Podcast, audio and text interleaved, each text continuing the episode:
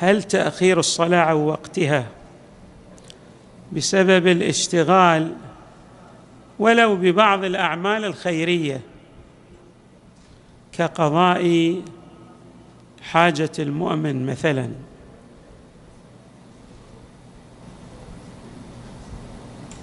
يعد استخفافا بالصلاة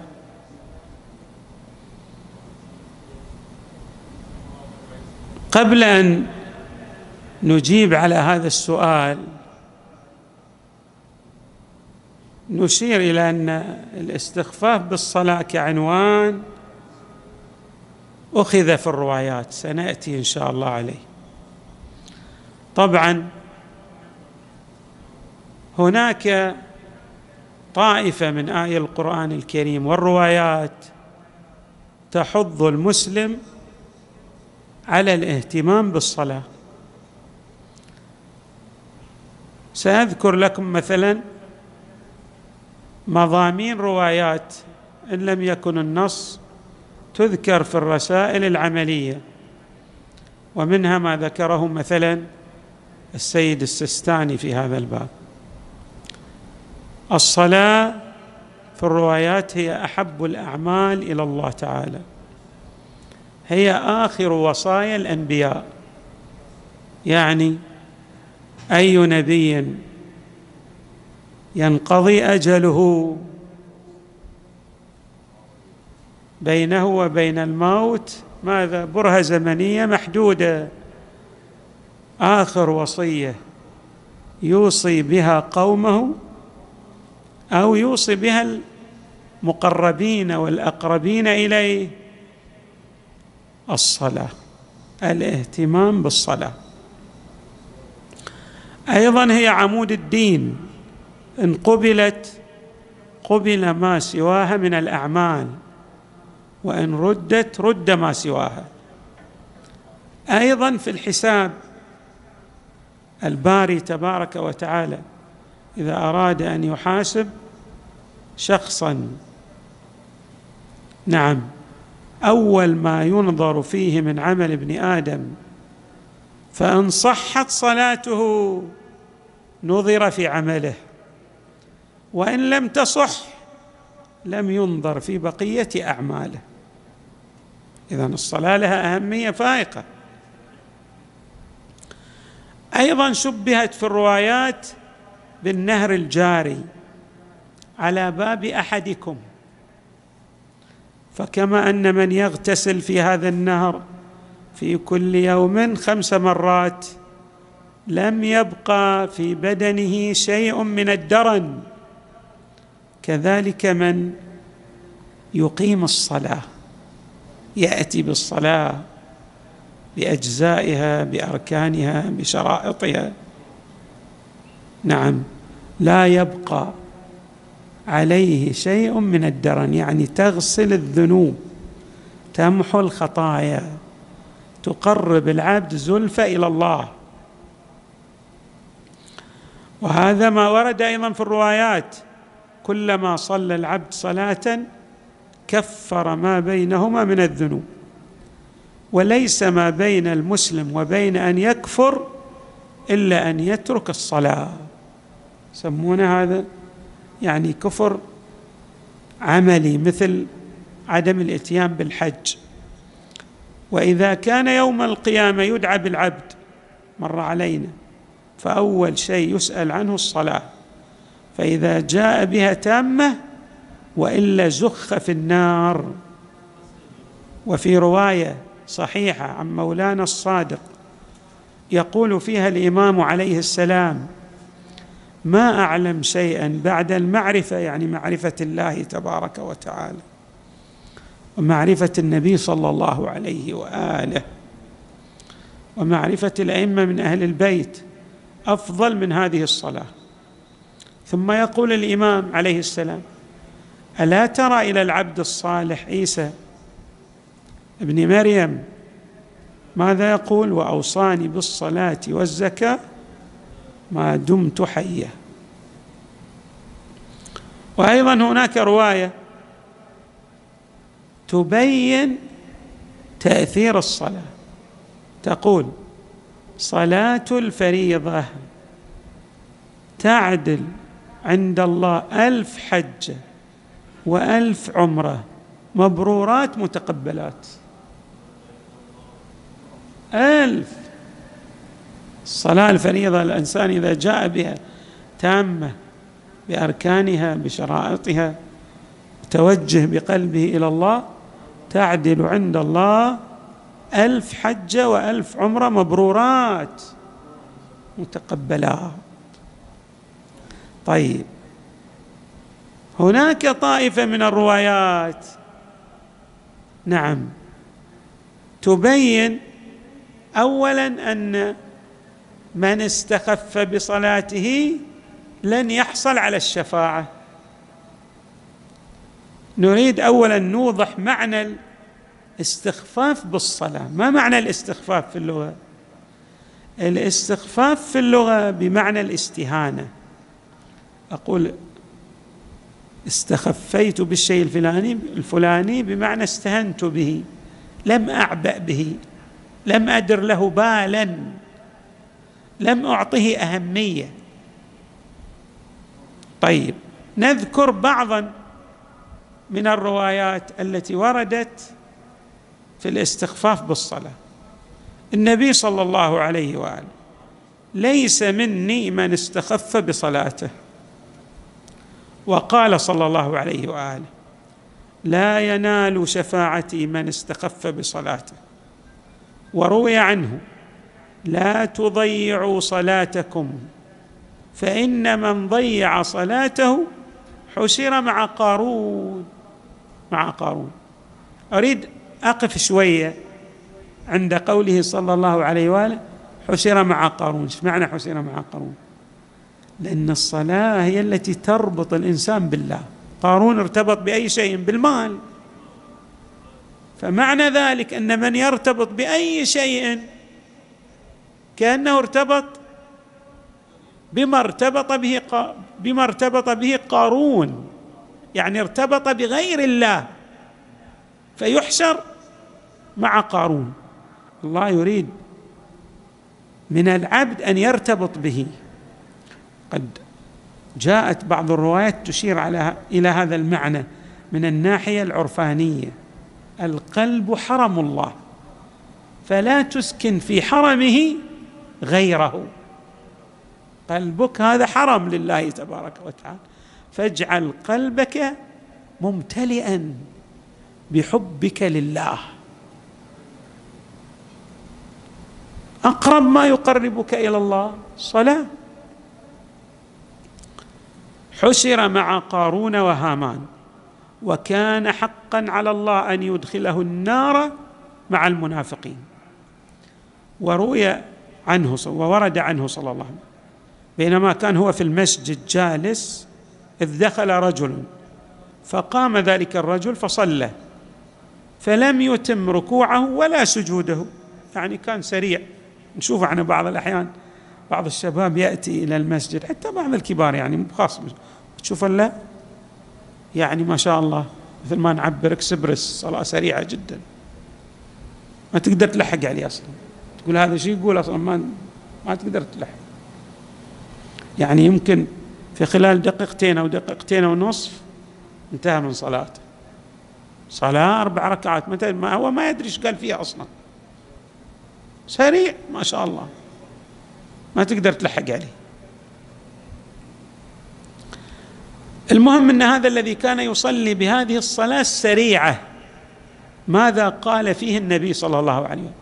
قال نقر كنقر الغراب لئن مات هذا وهكذا صلاته ليموتن على غير ديني. ما يموت مسلم. ما يموت مسلما. هذه اذا الذي يرسخ الإسلام في كنه وجود المسلم هو المحافظه على الصلاة. لكن شوف آيات وأقيموا الصلاة وآتوا الزكاة. نعم. وروي في رواية عن إمامنا الصادق قال هذا أبو بصير. بعد أن انتقل إمامنا الصادق إلى عالم الآخرة دخل على إحدى زوجاته اسمها أم حميدة يعزيها بالإمام عليه السلام. فهذه الزوجة زوجة الإمام بكت. أبو بصير يقول بكيت لبكائها. يعني رأيتها متأثرة جدا على الإمام. لا تلام امرأة هي زوجة له وهو الإمام صلوات الله وسلامه عليه. ثم قالت يا أبا محمد تخاطب أبا بصير لو رأيت أبا عبد الله عند الموت لرأيت عجبا فتح الإمام عينيه فتح عينيه ثم قال اجمعوا لي اجمعوا كل من بيني وبينه قرابة جميع أقاربي خلهم يحضرون الآن الساعة الأخيرة قبل انتقالي إلى عالم الآخرة. قالت فما تركنا أحدا إلا جمعناه فنظر إليهم. ثم قال الإمام الصادق لأقاربه إن شفاعتنا إن شفاعتنا لا تنال مستخفا بالصلاة. يعني هالشفاعة بالرغم من سعتها الذي يستهين بصلاته لا يعير لها بالا لا يعطيها اهتماما. هذا لن يحصل على شفاعة أهل البيت صلوات الله وسلامه عليهم أجمعين. اذا علينا أن نلتفت. طبعا هنا أريد أن أنبه أوقات الصلاة لا كما يظنها بعض الناس. بعض الناس يفكر انهم مجرد أن مثلا يتحقق الزوال يقول المؤذن الله أكبر. شوف واحد ما يجي يصلي يقول هذا مستخف بصلاته. لا الأمر ليس كذلك. هناك يعني وقت نسميه وقت الفضيلة للصلاة. وهناك وقت عام. سأشرح هذا المعنى بشيء من البيان والتفصيل. يعني في الأعم الأغلب مثلا فضيلة الظهر تستمر ماذا؟ إلى حدود ساعة وربع ساعة ونصف في كل هذا الوقت بعد الزوال يعني إذا أذن المؤذن كل هذا وقت فضيلة. طبعا الصلاة في أول وقتها أفضل أحسن. بس لو واحد ما صلى عند الأذان مباشرة لا يقال له مستخف بصلاة ممكن أن تصلي بعد نصف ساعة بعد ساعة إلا ربع ولا يزال الوقت وقت فضيلة. لكن لنلتفت إلى حيثية. ليس معنى تأخير الصلاة يكون مثلا لعدم الاهتمام بها. يعني الصلاة ما مثل ما نعبر بالتعبير الدارج لا تدير لها بالا. لا أنا أهتم بها. عندي اهتمام بأدائها. لكن مو معنى ان مجرد أن يؤذن أذهب للصلاة. لا. ممكن أن أصلي مثلا في الظهر بعد نصف ساعة بعد ساعة إلا ربع. وهذا وقت الفضيلة حتى بعد ساعة. صلاة الظهر يبقى وقت فضيلة. طبعا الأحسن أن تصلي مجرد أن يؤذن. وقت فضيلة العصر. يبدأ تقريبا من هذه الساعة والنصف اللي بعد صلاة الظهر وقت الفضيلة. طبعا الوقت العام تقدر تأتي بالعصر بمجرد أن تأتي بصلاة الظهر أربع ركعات تقدر تقوم تصلي العصر. بس هذا مو وقت فضيلة العصر. وقت فضيلة العصر متى يبدأ؟ تقريبا ساعة وربع ساعة ونص تختلف مع بين أوقات السنة. هذا وقت الفضيلة للعصر. ولذلك بعض أساتذتنا. ما يصلي الصلاتين في الوقت الواحد؟ يرجع تقريبا. مثل اللي يصلون العامة كذا وقت طويل ويأتون. لا تقريبا حدود ساعة وربع في أغلب أيام السنة ساعة وربع ساعة ونص كذا يبدأ وقت فضيلة العصر اللي يريد يجيب الصلاة في وقتها. نعم. طيب الآن أذكر لكم مثلا مثلا في رواية تقول فمن ترك صلاة العصر حتى تكون الشمس على ستة أقدام فذلك المضيع. يعني المضيع لصلاته. في رواية أخرى المضيع متى؟ يعني يؤجل الصلاة إلى تقوم الشمس تصفر تريد الغروب. ويقوم يصلي صلاة العصر. باقي مثلا ربع ساعة عشر دقائق على الغروب ثلث ساعة كذا باقي على الغروب يقوم يصلي. طبعا ما, ما زال وقت الصلاة. هو ما ترك الصلاة بس هذه يسمونه مضيع متهاون بصلاته. فالمفروض الإنسان يؤدي صلاة العصر في ماذا؟ يعني في وقت الفضيلة اللي قلنا. وإحنا الحمد لله الأعم الأغلب أن يصليها قبل وقت فضيلته يصلي الظهر ويصلي العصر مباشرة. وهذا سائغ جائز. حتى النبي فعله صلى الله عليه وآله. يعني يسمونه عند العامة جمع تقديم. عندهم جمع تأخير وعندهم جمع تقديم. يعني يصلون الصلاتين من من غير عذر ولا علة يعني ما في مطر ولا في أي شيء. قد فعل النبي ذلك صلى الله عليه وآله. عند العامة موجود أحاديث صحيحة. إحنا عندنا أيضا موجود. بل عندنا بعض الروايات تقول إن هذا اللي يصلي الصلاتين في وقت واحد يعني من باب إنه يتسع رزقه.